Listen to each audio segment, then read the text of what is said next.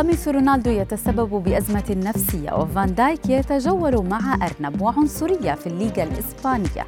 إليكم أبرز أخبار الرياضة في الساعات الأربع والعشرين الماضية في دقيقتين على العربية بودكاست. انضم النجم المصري محمد صلاح إلى ركب المحتفلين بنقل المومياوات الملكية في بلاده الحدث الذي نال اهتماما عالميا كبيرا. صلاح نشر فيديو من ست دقائق على إنستغرام تابعه أكثر من مليون شخص.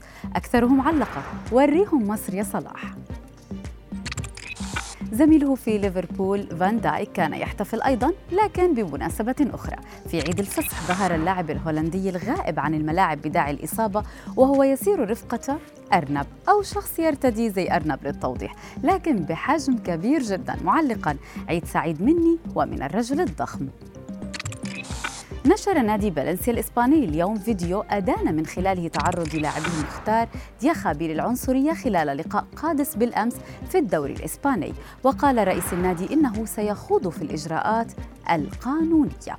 وكان نادي فالنسيا قد انسحب من المباراة بعد انطلاقها بنصف ساعة إثر توجه خوان كالا بعبارات عنصرية لمختار مدافع الخفافيش ثم عادوا لاستكمال المباراة بعدها بربع ساعة وخسروها.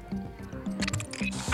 أشعل اللاعب الألماني روبن غوسنس الرأي العام ضد كريستيانو رونالدو عندما صرح عبر وسائل إعلام إيطالية اليوم عن حادثة تعرض لها مع النجم البرتغالي في وقت سابق. اعتبرها أحد أسوأ الأمور في مسيرته.